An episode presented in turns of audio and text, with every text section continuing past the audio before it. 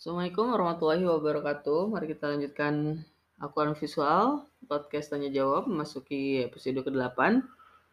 Membahas tentang apa ya Pak? Kita baru masuk ke Al-Baqarah. Baqarah berarti ayat 1 ah, satunya apa? Eh, kita baca ya. A'udzu billahi minasyaitonir rajim. Bismillahirrahmanirrahim. Alif lam mim. Itu doang. Ya, ayat 1. Gimana, Tapi Bu? ya kagok ya. Ya udah sekalian ayat 2 deh. Zalikal kitabul la raiba fihi hudal lil muttaqin. Ya, kita uh, sudah selesai sampai surat Al-Fatihah ya. Udah hmm, lumayan dalam. Dalam banget sampai tenggelam. Dan ternyata eh, ya kita masuk ke surat Al-Baqarah. Nah kalau ditanya kenapa benar nggak sih kalau baca Quran harus ngurut? Ini jawabannya ada di sini. Nah, gimana gimana? Di surat Al-Baqarah ayat kedua. Apa tadi Hmm. Pak? Zalikal kitabul la raiba fihi hudal lil muttaqin. Nah jadi kalau kita baca mungkin kita nggak ngeh ya. Itu artinya apa Pak? Zalika inilah kitab eh, yang tidak ada keraguan di dalamnya petunjuk bagi orang-orang yang eh, bertakwa. Nah zalikal itu sebetulnya bukan ini tapi itu. Oh itu oh ya. Jadi- Za- Zalika. Jadi kata tafsir, mufasir eh, itu merujuk pada kitab yang tidak ada. Jadi itu tuh merujuk pada kitab yang sudah ada tapi belum turun, Hmm? belum turun ke bumi maksudnya. Karena eh, kitab itu kan diturunkan. Nah, jadi sebetulnya Al-Quran itu sendiri kan sebetulnya udah ada. Udah tahu ya Pak? Hmm? Belum tahu. Belum. Al-Quran itu sudah ada di Lawful Mahfud. ya begitu dengarnya. Oh. tapi tidak belum diturunkan semua ke bumi makanya disebutnya itu Hmm. bukan ini Oh itulah. ya Oh gitu. jauh sebelum menunjuk arah yang jauh. iya karena memang belum eh, diturunkan tapi Hmm. merujuk pada Quran Zalikal kitab kitab ya, hudal nah kalau kita baca di sebelumnya ya ayat Al-Fatihah ayat berapa tuh ayat 6 Hmm. apa masih ingat nggak Ihdina syiratal mustaqim. Nah, kita udah sampai kesimpulan bahwa ihdina itu adalah tunjuki tunjuki kami, Ya. beri kami petunjuk, Ya. ya kan? Nah, dijawab di ayat 2 ini, Oh, hudan. ihdina ihdina tuh huda ya benar ya. Iya. Jadi petunjuk yang kita minta sebetulnya apa? Eh, kitab Iya, kitab apa? kitab itu Kitab itu apa merujuknya? Hmm? Untuk merujuk pada apa kitab itu teh? Al-Quran. Tapi mana petunjuk yang men- menyatakan bahwa ini Al-Quran? Ya nggak ada, tapi nanti kita akan lihat karena teksnya kitab itu karena itu berarti kan tertentu kan Hmm. merujuk pada Al-Quran itu menurut para mufasir seperti itu. Nah, jadi kalau misalnya kita bicara ihdina siratal mustaqim maka jangan minta petunjuk lain ya sebetulnya kan. Hmm. Yang kita minta Al-Quran. Yang kita minta adalah petunjuk yang jawabannya adalah Al-Quran begitulah kasarnya. Oh, jadi ihdina syiratal mustaqim itu kita kalau apa? Bukan amunisi kita berdoa ya. Maksudnya gimana? Ketika ada masalah, ihdina syiratal mustaqim. Bila kami jalan yang lurus, Enggak, beda. bukan minta jawaban dari doa yang Ya, doa bukan. doa duniawi kita gitu. Iya, karena siratal mustaqim sendiri udah ada udah ada definisinya. Ya kan? Definisi siratal mustaqim udah ada is- definisinya yaitu orang-orang yang diberi nikmat, orang-orang yang bersama Tuhan Hmm. dan untuk mencapai eh, petunjuk untuk mencapai siratal mustaqim itu untuk menjalani kehidupan dengan tegak lurus ya dengan Quran. Hmm. Jadi sebetulnya kita semesta tafsir itu nggak bisa di nggak bisa ngarang-ngarang ya. Maksudnya kita kan suka memotong-motong ayat terus kita pikir eh, nasta'inu meminta pertolongan itu ke hal-hal yang apa pun boleh. Mm-mm. Jadi kan menyebar tuh ayat pemahaman ayat kita tuh jadi menyebar. Ya, ya. Jadi gini Pak, eh, Bapak ingat nggak kemarin tuh kita berdoa bareng-bareng itu? Nah, isinya doa yang didoakan adalah potongan-potongan ayat. Jadi orang tuh biasanya mm, motong-motong ayat terus nyambung-nyambungin satu ayat dengan ayat yang lain karena sesuai dengan keinginan kita gitu kan.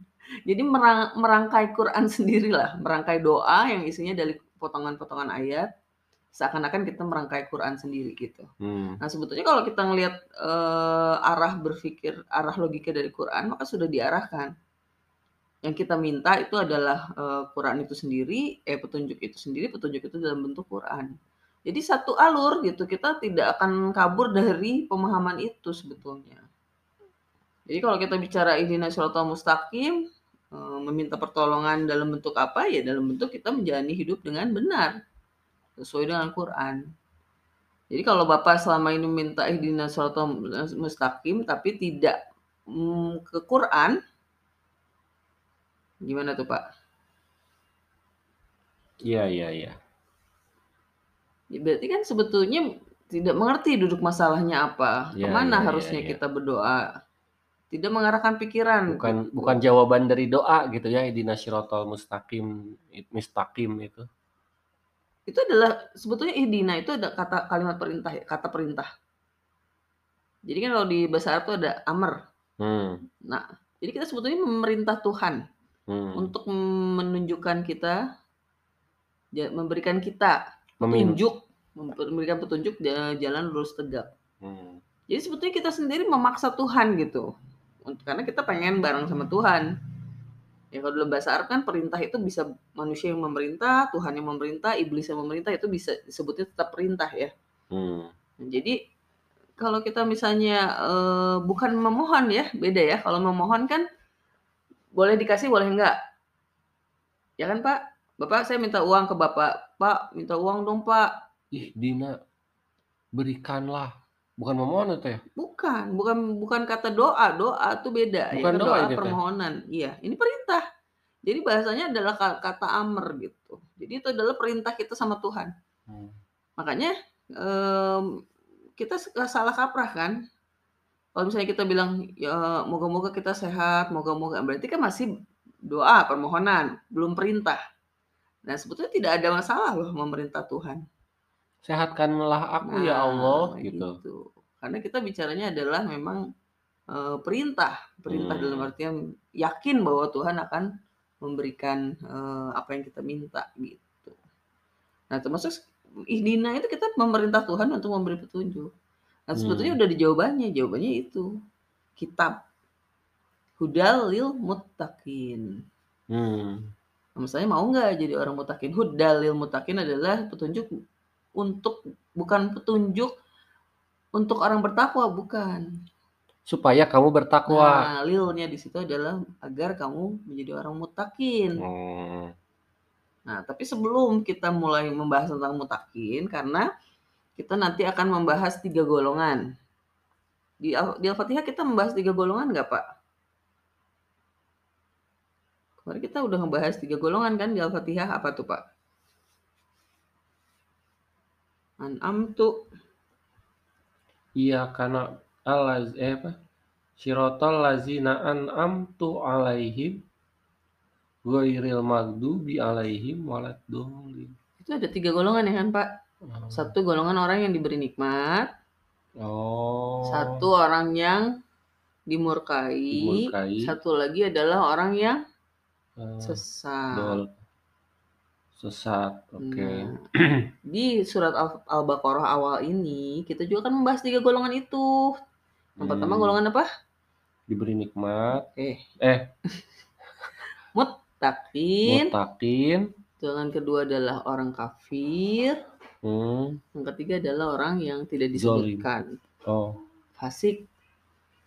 Tidak disebutkan tapi golongannya apa. Tapi nanti kita akan tahu bahwa itu ada golongan yang fasik. Jadi Al-Fatihah dengan Al-Baqarah tuh begini Pak. Ding gitu, bertemu. Oke. Jadi kalau misalnya biasa dibilang Al-Baqarah awal itu ada menjelaskan uh, tipe golongan tiga golongan yang dibahas di Al-Fatihah. Gitu. Tapi kenapa bahasanya berbeda? Kenapa di di Al-Fatihah nggak pakai bahasa bertakwa? Ayo, kenapa? Kenapa? Kenapa coba? Karena Al-Fatihah bahasa siapa? Yang minta siapa? Oh, bahasa Allah. Al-Fatihah. Iya. Bahasa manusia dong. Bahasa manusia. Kan manusia yang minta beri petunjuk kami jalan yang tegak lurus itu kan bahasa manusia semua. Orang-orang yang diberi nikmat. Itu kan Iya. bahasa kita. Jadi bahasa manusia adalah orang bertakwa itu adalah orang-orang yang diberi nikmat. Tapi Allah bilang bahwa orang yang beri nikmat itu adalah mutakin gitu. Hmm. Kalau bahasa manusia orang-orang yang dimurkai. Bahasa Allah orang kafir. Iya. Kalau bahasa manusia orang yang sesat. Bahasa Allah orang fasik. Hmm. Jadi ini adalah dua bahasa yang berbeda sehingga eh, definisi Allah tidak sama dengan definisi manusia, tapi Allah memberikan jawaban dari pertanyaan-pertanyaan itu. Kebayang ya kerangkanya. Nah, Iya, iya, iya. Bapak kan lihat bahwa ayat eh, 2 sampai ayat 20 itu membahas tentang tiga golongan ini. Ciri-cirinya, karakter dasarnya, dan bahkan permisalannya. Jadi sebetulnya kalau Bapak tanya, kalau udah selesai sampai ayat 20, Bapak harus sudah tahu Bapak ada di golongan mana. Udah langsung ketahuan gitu. Bakal, apakah Bapak yang termasuk uh, an'amta alaihim atau orang yang diberi nikmat, apakah yang termasuk yang dimurkai ataukah Iya. yang termasuk di Terus ini yang terlewat nih, ayat 1 itu penjelasannya apa tentang alif lam mim? Nah, ini menarik gitu. Menariknya apa? Apa itu alif lam mim? Bapak Hmm. tahu apa tentang alif lam mim? Nggak tahu. Nggak tahu. Nggak tahu apa-apa sama sekali. Nggak tahu. pernah ada bayangan. Ya, Dengar-dengar hanya gosip-gosipnya hanya gosip-gosip aja sih. Bahwa itu kayak kayak apa sih? Eh, seperti apa? Attention gitu. Attention apa Perhatian, perhatian. Perhatiannya apa Tung maksudnya? tung tung tung. Nah, begitunya lah. Tung tung tung terus alif lam mim. Jadi orang bengong-bengong apa sih? Apa sih gitu? Oh, pasti. Cuman Oh, zalikal kita bulan. oh jadi kayak lagu tung ting tung tung gitu ya. Ya kayak kayak attention di bandara itu loh. Ya itu kan berarti pengganti lagu tung ting tung tung gitu ya. Alif lam mim gitu ya. Maksudnya kayak gitu. Ada orang yang mengatakan begitu. Jadi biar orang bingung aja gitu. Bukan attention gitu, Ya, perhatian. perhatian tuh perhatian biar biar ada apa nih dah gitu bertanya-tanya atau gimana Iya, perhatian. ya nggak tahu lah itu kan eh, pendapat-pendapat yang kita saya pernah dengar. Ya, jadi eh, cuman sebagai kalau yang di pernah dengar bahwa alif lam mim itu hanya sebagai eh, apa tuh Pak? Pemecah ice breaking gitu ya atau gimana? Bukan untuk untuk orang memperhatikan kan kalau Emang kalau nggak pakai alif lam mim misalnya kalau kita langsung zalika kitabu nggak diperhatikan gitu gimana? kayak orang hilang di mall gitu kan, tung tung tung tung, nah gitu kan orang dengar apa nih, nah, baru oh gitu. Oh, jadi mengalihkan perhatian dulu Iya, baru iya. mendengar. Iya. Oh, gitu. Ya, sebetulnya banyak sih ya yang menafsirkan alif lam mim. Ada yang mengatakan bahwa tidak ada yang tahu, itu cuman Allah yang tahu. Iya iya. Ya, cuman sekadar ya seperti tadi memberi peringatan, eh memberi perhatian, mengalih perhatian. Tapi ada juga yang mengatakan bahwa alif lam mim itu bicara tentang ejaan. Tahu nggak Pak, mengeja itu gampang atau susah? Sekarang kalau saya bilang Bapak bahasa Inggris ya, kalau bahasa Ing- bahasa Indonesia bisa mungkin gampang. Kalau bahasa Inggris Bapak bisa nggak ngeja angel misalnya, Hmm. bisa nggak E ngejanya? N G I L. Bingung kan Pak? Hmm. Ya, jadi ini bicara tentang kita mengeja sesuatu. Mengeja itu hanya bisa kalau kita apa Pak? Bisa baca. Ya, betul. Kalau kita bisa baca, maka kita bisa memecah bacaan itu menjadi kata-kata, eh jadi huruf-huruf. Ya kan? Kalau misalnya orang bisanya, orang bisa ngomong angel, bisa. Tapi dia nggak pernah baca, dia nggak tahu tulisan angel kayak apa. Terus bisa nggak dia ngeja? Nggak bisa. Nah, begitu Pak. Jadi intinya apa? Intinya apa? Intinya Allah nyuruh kita untuk Membaca. bisa baca. Tapi kan kalau kayak gitu terlambat karena kita sebelumnya sudah membaca Al-Fatihah. Nah, karena Al-Fatihah bukan bacaan. Al-Fatihah adalah statement, kontrak. Dan kontrak tidak perlu jawaban, itu hanya sesuatu yang berdasarkan dari perasaan kita. Ya nggak sih Pak? Ya iyain aja lah Pak, iya, aja. iya, oke, oke. Ya kalau karena Al-Fatihah itu adalah pembuka, Al-Fatihah itu adalah prolog, Al-Fatihah adalah jalan masuknya gitu. Tapi untuk masuk ke dalam Al-Quran, kita harus bisa membaca. Karena jawaban dari apa yang kita minta di Al-Fatihah itu ada di dalam Al-Quran. Jadi anggaplah Al-Fatihah itu adalah uh, statement awal, fakta awal ya, fakta Hmm. awal. Lalu yang fakta awal itu membuat kita bisa mengeluarkan statement, mengeluarkan kontrak kita sama Tuhan gitu kan, masih pakai bahasa-bahasa manusia makanya kan. Nah, untuk lanjutnya kita memasuki satu perjalanan dengan Tuhan, Allah membuka dengan alif lam mim. Kenapa alif, lam, dan mim? Wallahu alam bisawab. Karena nggak aba, kalau kalau runut mah kan abe, abad, alif, bata gitu, abata gitu misalnya. Ya, nggak tahu Pak, kalau itu mah saya tidak tahu. Nah, beberapa huruf yang dari alif, lam, mim itu apa, misalnya apa-apa ya saya juga belum tahu. Sama ini saya juga berusaha mencari tahu kenapa alif, lam, mim gitu ya, kenapa bukan yang lain. Tapi eh, sejauh ini yang kita bisa simpulkan adalah eh, bahwa tujuan utamanya adalah manusia harus bisa membaca. Bapak tahu kan Rasulullah itu turun diturunkan dilahirkan di tahun berapa? Tahun Masehi tahun min berapa ya? kok min Pak? Hijriah, Plus kali. hijriah. Kok Hijriyah sih Pak? Kan Masehi, hij- Masehi hijriah aja kan 40, Masehi. eh, hijrah tuh tahun ber- eh, Ih Masehinya aja Oh, jangan iya berapa? lupa. Lupa. Aduh, nggak lulus nih bapaknya. 600-an 600, Masehi. 600 Masehi itu yang bisa baca pada tahun 600-an itu banyak nggak yang orang yang udah bisa baca? Nggak dikit. Gak tahu dari mana? Ya, karena memang bukan bukan budaya yang membaca sih secara ini Budayanya siapa maksudnya Pak? Du- orang orang dunia gitu. Kenapa belum bisa? Belum bisa pada belum bisa pada baca nulis kenapa belum bisa? Nggak tahu. Belum perlu kali ya. Ma- Maksudnya, maksudnya bah- apa sih bahasa pengantarnya bukan dengan baca tulis, Tapi dengan eh komunikasi lisan, iya betul. sound. Jadi memang itulah eh, pembuka peradaban yang baru ya, bahwa Allah mewajibkan manusia untuk membaca. Nah, jadi kalau misalnya kita juga di masa ini tidak belajar membaca, bukan membaca random ya Pak ya kan kalau bisa kayak gini ya membaca apa ya baca Quran lah Pak gitu. Oke. Walaupun memang kalau kita bisa baca Quran, maka kita akan baca bisa baca yang lain tentunya ya. Makanya itu kenapa apa yang paling mengubah eh, dari Islam dari peradaban yang tadinya di gurun kepada peradaban yang sangat tinggi, yang paling mendasar adalah membaca. Karena orang-orang dulu tadinya tidak merasa perlu membaca. Hmm. Tapi dengan perintah-perintah yang Allah turunkan, termasuk Iqra ya. Iqra apa bedanya Pak? Iqra. Iqra itu adalah membaca dengan Amar. suara. Membaca dengan suara. Jadi maksudnya eh, Oh, mengkeraskan bacaan. Jadi Iqra itu bukan baca aja, tapi membaca dengan suara. Nah, itu juga termasuk, itu kan perintah ayat yang turun pertama kali ya Pak ya. Nah, jadi eh, kalau kita bisa menelaah seperti ini, maka peradaban kita jelas sudah jauh lebih tinggi dari sebelumnya. Tapi kita sendiri jarang kan baca Quran langsung. ya. Nah, maka kita bisa menyimpulkan bahwa memang kita harus suruh membaca Quran langsung dengan perintah mengeja ini gitu. Kalau saya menyimpulkannya begitu. Oke. Karena kenapa? Karena memang buat apa Al-Quran Cuman secara pemaknaan itu memang jadi rahasia aja, rahasia rahasia kenapa Allah. dipilih alif lam mim, kenapa Jadi, nun, kenapa kof gitu kan?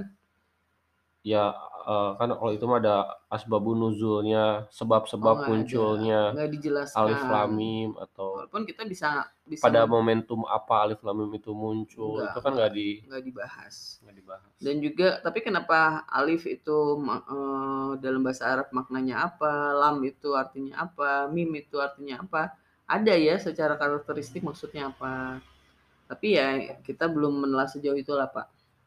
Karena yang ingin saya sampaikan bahwa eh, sesudah kita meminta pada Allah tentang eh, menjadi orang yang diberi nikmat, maka untuk membuka jawaban, kunci jawabannya Allah berikan dari kitab yang itu adalah dengan membaca dengan alif lam mim.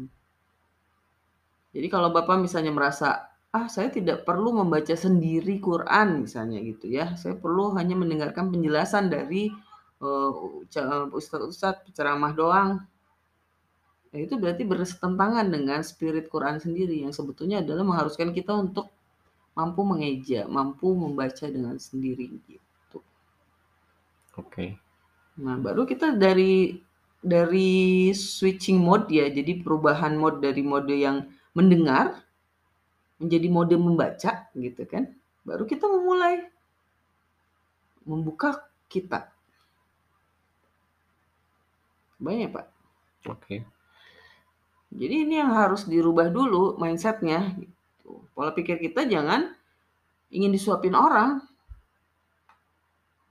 Oke. Okay. Karena kita merasa bahwa Quran itu bukan untuk kita ya kan. Kita suka ngerasa bahwa Quran itu untuk ulama. Ulama pun sombong kan, selalu menganggap bahwa yang hanya bisa memahami Quran hanyalah orang-orang yang terpilih, ulama. Ya nggak Pak? Bener nggak sih kayak gitu? Sehingga kita merasa malu gitu kan untuk belajar lebih lanjut sendiri karena kita bukan ulama merasa sungkan, merasa omongan ulama-ulama itu harus lebih didengarkan. Benar nggak Pak sis uh, pola pikir kayak gitu? Iya, bahkan ada saya ada narasi yang muncul juga bahwa hati-hati membaca Al-Qur'an secara mandiri karena bisa belok secara pemaknaan begitu. Belok saya, mana Pak? Belok kiri apa kanan? Saya jadi kepikiran uh, seolah-olah Al-Qur'an itu sesuatu yang netral gitu, bisa bisa menjadi sesuatu yang apa tanpa nilai kan gitu. Kalau dibawa benar ya benar, dibawa nggak benar ya nggak benar gitu. Jadi seolah-olah seperti itu. Itu mirip Makanya, Pancasila ya Pak ya. Siapa yang memaknai Pancasila ya itu yang iya. seolah-olah kalau ada ada statement itu hmm. Al-Quran ya seperti itu gitu. Padahal menurut saya sih seharusnya siapa pun yang membacanya sepanjang dia dengan hati yang lurus gitu dengan pikiran yang jernih rasanya sih harusnya bisa membawa ke arah kebenaran gitu. Ya, setuju Pak. Karena di dalam Quran juga ada bahwa uh, orang-orang yang membaca Quran membaca dengan sebenar-benarnya bacaan. Nah, itu nanti dibahas juga di dalam ayat-ayat Quran. Itu sebetulnya ya jelas. Nanti kan ada ya di surat uh, Al-Baqarah tentang puasa. Kenapa Bapak puasa di bulan Ramadan? Bapak nggak tahu kan kenapa bulan Ramadan? Kenapa harus bulan Ramadan? Kenapa? Ayo, Bapak nggak tahu jawabannya. Karena perintahnya di bulan Ramadan. di perintah itu ada lanjutannya juga, Pak. Karena di bulan itu diturunkannya Quran. Oh, Oke. Okay. Quran adalah petunjuk bagi Al-Quran kan turunnya uh, bertahap kan? Iya, tapi kan intinya nggak, nggak selama sebulan langsung jereng iya, satu. Kita kan nggak tahu, Pak. Quran awal maksudnya, awal ya, turunnya kan katanya sih diturunkan langsung ke buminya dari Lauhul Mahfuz itu di bulan oh. Ramadan. Cuman disampaikannya ya, cicil. Tuh, kurun. Kurun itu artinya juga sama generasi Quran itu termasuk adalah makna dari uh, sesuatu yang turun sedikit-sedikit. Hmm. Nah, di situ ada di ayat tentang puasa itu, Pak. Quran itu adalah petunjuk bagi manusia. Nah, sama hudalnya sama, lilnya sama, nas. Nah, sekarang kenapa di alfa di alfa di Al-Baqarah awal hudal lil mutakin, Pak? Kesannya Al-Qur'an itu hanya petunjuk bagi orang bertakwa. Ya. Kenapa padahal Quran itu ada petunjuk bagi seluruh manusia. Karena lil di sini bukan bagi, tapi untuk menjadi orang bertakwa. Beda ya, Pak ya? Nah, jadi kalau kita hmm. balik lagi ke bahwa positioning hudal itu adalah petunjuk Quran bagi seluruh manusia, jadi sebetulnya kita boleh nggak baca Quran langsung? Boleh. Ya Karena harus. kita manusia. ya harus. Iya. Ya harus, bukannya boleh Bukan lagi. manusia terpilih. Hmm. Karena masalahnya kita memahami sejauh mana, bagaimana kita bisa memahami sesuatu, itu urusannya dengan Allah gitu kan. Jadi kalau kita menganggap bahwa kita tuh sungkan memegang Quran, belajar Quran langsung pada pada siapa sungkan pada Allah atau pada ulama? Atau pada orang yang memuja-muja ulama? Pada orang yang memuja-muja ulama ya kan? Dan ulama itu sendiri yang suka menyombongkan diri bahwa hanya mereka yang mampu. Hmm. Lah, memang benar. Mereka sendiri kan bikin statement. Tidak boleh orang menafsirkan Quran kecuali satu, hafal Quran. Dua, hafal hadis. Itu kan statement dari siapa? Dari ulama sendiri. Nggak mungkin kan, bukan ulamanya sendiri. Akhirnya statement ulama itu dijadikan suatu pegangan bagi orang yang memuja ulama. Wah, kita nggak boleh nih megang-megang Quran. Kita nggak hafal Quran, kita nggak hafal hadis, kita nggak bisa bahasa Arab. Itu yang bikin statement siapa? Itu banyak pak statementnya, bapak tinggal nyari. Jadi memuja yang mereka sendiri yang bikin statement. Ulama sendiri membatasi orang-orang untuk belajar langsung dari Quran. Nah, hmm. kalau kita bicara tentang hal seperti ini, kita ingat kisah Kartini. Bapak ingat gak Kartini? Sah Kartini, Pak? Hmm. Ingat nggak kisah Kartini? Gimana? ketika dia belajar Quran, dia minta kiainya terjemahin dong. Kita nggak ngerti Quran. Kiainya dia, Kiai Haji Darat kalau nggak salah, mengatakan, wah kita nggak bisa nerjemahin Quran, ini bahaya. Soalnya kalau nerjemahin bakal kacau. Ya tapi kita nggak ngerti gitu kan. Akhirnya Kartini itu sebetulnya kehebatan Kartini adalah salah satunya adalah dia uh, orang yang gigih mempelajari Quran. Makanya habis gelap terbitlah terang itu dari Quran loh Pak. Nggak tahu kan hmm. Bapak? Nah, itu statement ayat loh. Oh iya, apa? Uh, ada. Zulumati ilan nur. Nah, begitu Pak. Jadi dia uh, dalam artian dia ingin mempelajari, tapi ulamanya juga takut. Tapi akhirnya dia Kiai Haji Darat itu menafsir, menerjemahkan juga, menerjemahkan ke bahasa uh, Jawa ya. Karena demi mempermudah pembelajaran. Nah, dalam konteks-konteks tertentu, ulama juga sebetulnya ketakutan. Jika mentransfer ilmu asal-asalan, orang juga tidak membaca keseluruhan, ya, ya. akhirnya jadi ketakutan. Saking ketakutannya mereka membatasi orang untuk mengakses Karena Quran. Untuk ilmu itu kan menurut saya ya harus bisa dipertanggungjawabkan secara uh, akademis gitu ya. Masa kayak gini, kalau di di, di dunia akademisi gitu, uh, semua orang bisa aja belajar sendiri tanpa harus untuk menjadi sarjana misalnya. Hmm. Bisa aja beli buku di Palasari atau di Gramedia, buku yang dipelajari oleh siapa? Oleh para sarjana itu, kita bisa aja bisa saja mendapatkan ilmu yang sama gitu kan. Terus? Tapi uh, tidak mendapat pengakuan secara akademis karena memang tidak tidak melalui metodologi pembelajaran yang sudah disepakati harus seperti itu.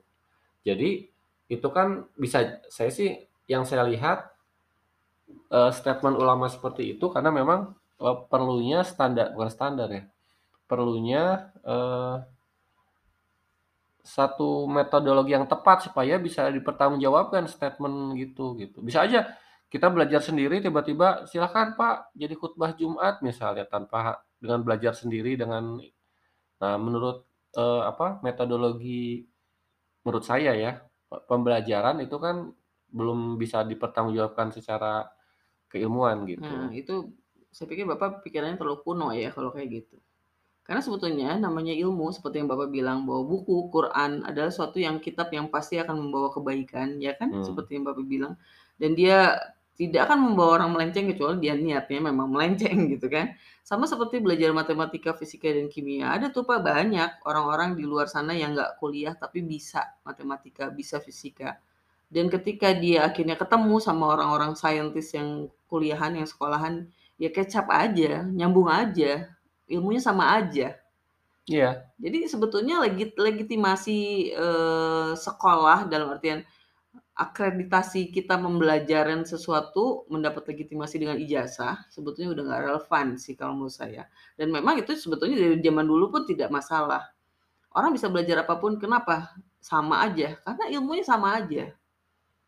Yang membikin-bikin ijazah yang bikin-bikin sekolah siapa pak? Ya itu tadi ulama-ulama yang pengen selalu dijaga kehormatannya oleh dirinya sendiri oleh lingkungannya Sedangkan sebetulnya kalau kita bicara tentang ilmu yang luas, tidak pernah perlu ada yang namanya sekolah dan ijazah, nggak ada. Nah ini kan yang membuat kita terbatasi sebetulnya. Saya sama sekarang, akhirnya orang-orang mempelajari agama takut. Takut disalahkan, takut tidak dianggap benar, harus sekolah dulu, harus mm, kuliah dulu di sesuai bidang. Takut tidak didengar harus juga sebenarnya. Padahal kalau Bapak belajar fisika, mau ngambil dari mana pun, ada tuh Pak, orang kan tau nggak akademikan itu di India, dia tuh nggak kuliah loh Pak. Tapi dia bisa bikin sekolah matematika online. Akhirnya berhasil. Dan memang ya ilmu mah sama-sama aja kan sebetulnya. Kita mau mulai dari mana, ujung-ujungnya nyampe ke titik yang sama gitu. Nah jadi makanya saya pengen ngajak eh, kita semua untuk berpikir ulang tentang apa yang dianggap wajar, normal, harusnya, tidak harusnya oleh manusia Apakah menurut Allah begitu? Ya. Kalau misalnya bicara tentang orang-orang yang salah menafsirkan Quran, salah membaca Quran, dan akhirnya membawa Quran ke tempat yang salah, itu sama dengan Bani Israel, Pak. Udah ada contohnya. Gak usah bawa-bawa teroris zaman Islam sekarang. Bani Israel adalah mereka yang baca Quran, eh baca kitab. Ya, Yahudi dan Nasrani membaca kitab loh. Hmm. Tapi mereka melenceng dari kebenarannya. Jadi itu nggak perlu contohnya teroris segala macam di zaman ini nggak perlu. Karena zaman dulu pun banyak orang yang kayak gitu. Akhirnya memang benar bahwa bagaimana kita mempelajari Quran, bagaimana kita nanti dibawa oleh Quran adalah bagaimana niat kita dari awal membacanya, mempelajarinya. Nanti kita baca gitu Pak sampai ke kisah Bani Israel bahwa Orang-orang yang seperti itu, orang-orang yang dianggap sesat walaupun dia berdiri di atas kitab, udah ada contohnya dari zaman dulu juga, Pak. Hmm, Jadi okay, kita tuh nggak usah ikut takut. Karena wah, nggak boleh nih Quran dipegang-pegang di enaknya dibaca ditafsirkan dipikirin sendiri. Eh nanti gila sendiri. Jangan berpikir begitu dong. Kita kan tujuannya adalah kontrak kita dengan Tuhan. Tujuannya adalah kita um, menjadi orang-orang yang berada dalam satu barisan dengan Tuhan. Okay. Kontraknya dengan Tuhan, Tuhan ngasih kitab, terus kita langsung lempar gitu langsung ah nggak mau takut takut, takutnya sama siapa? Sama Allah atau sama manusia? Nah makanya saya ingin memberikan gambaran jelas dulu bahwa alif lamim adalah satu uh, satu cara kita untuk memahami bahwa Al-Quran harus dibaca dengan sendiri, dengan mandiri sampai kita benar-benar tahu isinya. Kalau nggak ada alif lam mim ya mungkin kita bisa mikir, "Ah, bisa kok dibacain orang lain aja," gitu kan. Hmm. Tapi buktinya ada alif lam mim. Berarti memang Allah ingin orang-orang itu, manusia itu membaca dengan sendiri. Jadi ini harus dirubah dulu mindsetnya gitu. Kita lepasin dulu lah pikiran-pikiran atau omongan orang yang mungkin bisa mempengaruhi kita belajar. Ya masa kita terpengaruh sama manusia? Kita kan kontraknya sama Tuhan. Ini harus hati-hati ya Pak ya. Maksudnya karena kalau misalnya kita terpengaruh, lalu kita mundur hanya karena omongan manusia-manusia yang sombong dan tidak merasa tidak apa tidak mau mencoba mendengarkan kebenaran dari versi yang lain, ya masa kita menjadi orang seperti itu sih Pak. Oke oke oke. Nanti juga kan ada dijelaskan bahwa orang-orang yang tidak mau mendengarkan versi kebenaran lain itu adalah orang-orang yang kafir dan fasik. Jadi ya ini harus berhati-hati gitu. Cara kita memandang sesuatu harus benar. Agar kita menjadi orang-orang yang bertakwa. Siap. Nah, sekarang lanjut nih. Apa? Uh, di ayat terakhir tadi ada statement bertakwa itu kan mm-hmm. tujuannya uh, petunjuk agar menjadi orang menjadi yang orang bertakwa. Nah, parameter atau kriteria orang bertakwa itu seperti apa? Maksudnya ya, tujuan kita kan punya tujuan nih. Siapa yang jadi orang bertakwa nih? Nah, apa parameter orang bertakwa itu? Bapak mah udah apa tapi nggak tahu apa yang diapalin ya. Itu tadi ada jawabannya di ayat 2 sampai 4. Yang mana? Bakoroh. Oh kan belum ya. Oh berarti ada penjelasannya. Ya udah nanti next saya berarti ya. ya iyalah pasti ada penjelasannya. Udah lil mutakin nah, bagi langsung orang. dijawab zina. Itu langsung oh, dijawab okay, okay. gitu. Makanya kita tuh nggak usah terlalu banyak mikir lah kita ikutin aja flow-nya gitu. Kalau Bapak baca Harry Potter kan nggak mikir, ikutin aja sampai lupa ini siapa aja sih tokohnya saking banyaknya. Oke oke oke. Gitu, ya, udah berarti kita akan bahas mengenai mutakin mah nanti lanjut uh, next. Iya. Jadi kita cuman di saat ini cukup menegaskan tentang alif lam mim. Hmm. Yang konteksnya itu bukan hanya sekadar attention gitu yang seperti Bapak bilang walaupun itu memang ada benarnya. Tapi untuk lebih dari itu biar kita bisa Bukan mengeja. bukan statement saya, Bu, itu Oh, statement dari seseorang. dari Kebanyakan apa? orang. Suara-suara di sekitar. Bisikan-bisikan. Hmm. Nah, gitu yang masuk kemudian kita suatu pemahaman bahwa apa yang kita minta di surat Al-Baqarah Al-Fatihah adalah Quran itu sendiri. Jadi kita Oke. masih nyambung ya Pak ya, makanya memang pasti Al-Fatihah itu harus ditempatkan di sesudah surat Al-Baqarah. Memang itu jawaban saling jawab-jawaban gitu kayak Rano Karno sama siapa Pak? Ani, Ani, Ani. Itu Rama mah Irama. Nah, Ani. zaman dulu kan kalau bikin bikin lagu kan suka jawab-jawaban saling saling menjawab. ya seperti itu gitu. Oke, oke. Itu kira-kira Pak Oke, kalau cukup. ada pesan sebagai conclusion Sudah cukup sih, banyak yang banyak insight baru. Jadi jangan minta doa untuk cari kunci lagi ya Pak. Langsung aja gitu, langsung bayangannya ihdinas siratal mustaqim adalah Quran gitu. Langsung kita buka Qurannya gitu. Jangan kita menafsirkannya ke mana-mana, ngarahinnya ke mana-mana. Makanya kita kan kenapa orang ya akhirnya kan orang juga mikir bahwa oh kenapa kita disuruh ihdinas siratal mustaqim 17 kali karena ya karena petunjuk untuk banyak hal tuh banyak gitu kan. Karena kita bingung untuk banyak urusan ya. Ya nggak gitu juga kali gitu.